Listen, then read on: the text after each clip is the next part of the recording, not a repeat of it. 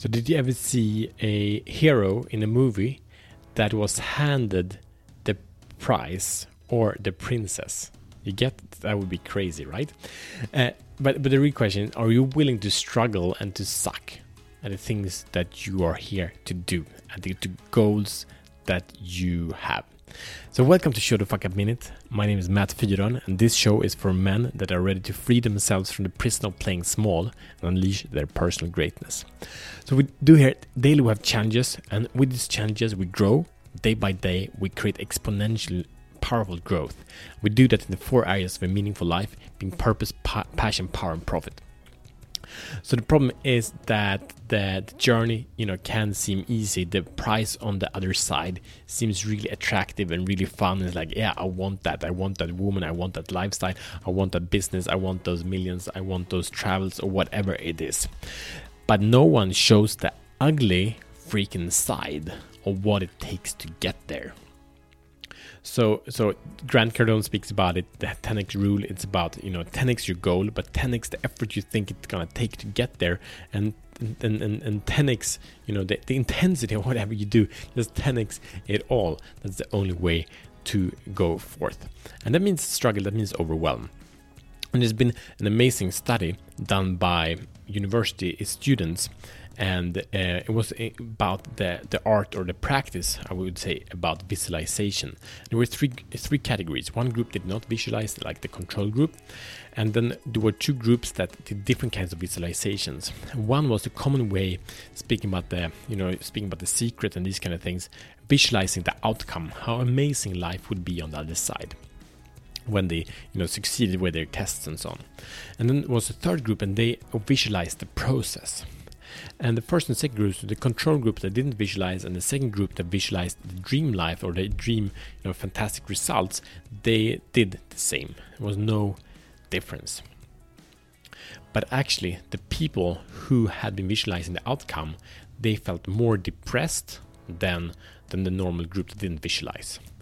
But the interesting thing here is the people who, who the third group who visualized the journey. They visualized how hard it's gonna be. They visualized the long hours. They visualized the struggle. They visualized the overwhelm. They visualized the confusion, as well as the positive outcome. They visualized what this confusion would lead to in the end.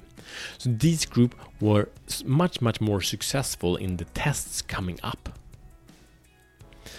but we are told the lie that visualize the outcome, dream about that, and that's amazing. But it's actually a journey. It's actually a struggle.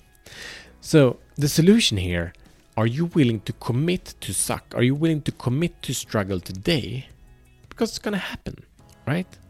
So don't say, "Yeah, I'm, I'm gonna be great," if you're not willing to do that.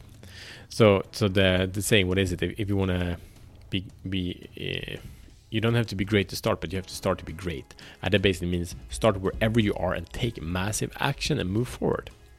So here's your mission should you choose to accept it. Number one, identify what you want to master. And I don't speak tomorrow, I speak about in 10, 20, 30, 40 years. What will you be the 1% of the 1%? And what area will that be? Number two, identify a proven path it takes to master this skill, this outcome, or this art. Number three, how can you set yourself up for feedback and learning instantly. And I don't mean go to course, that's good. I don't mean read a book, that's good. What I mean is to get started. So whatever you want to do, if you want to be a, teacher or a, or a supporter or a business owner or a family man or whatever, start doing it now. I don't know exactly how you start a family man, but you know, go connect with with people and and serve and help. Come babysit, whatever it is.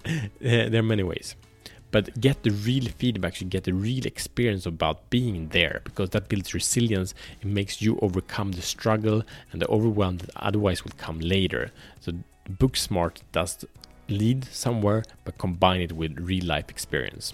And now last part is commit to big action so you actually get out there, so you get hit in the face, you get smashed on the ground, and get back up again. And then you can celebrate because you're a hero, because you one big, big place closer than most that are only focusing on the outcome. You're focusing on the process that makes, means you're gonna win. All right, so please subscribe to Show the Fuck Up Minute. This is, I think, about show number 80. Uh, so we've been around for 80 days. Super exciting. We've been recording and publishing one show a day, which challenges you and your friends to show the fuck up. So I, I bet you know a man who needs to show the fuck up. So invite him to this show so you can join the journey of being the best version of himself. And I also have a special invitation and a gift for you that we have created or I've created a roadmap. It's the, the nine step process how to go from overwhelm and frustration in any area of your life to life mastery. And this works in the areas of purpose, passion, power, and profit. So wherever you where is your focus, you can use this map and identify exactly where you are and what is the next step you can take. And you can start implementing that straight away after you to take the free download from showtfapp.com backslash road to power. See you tomorrow as a better men.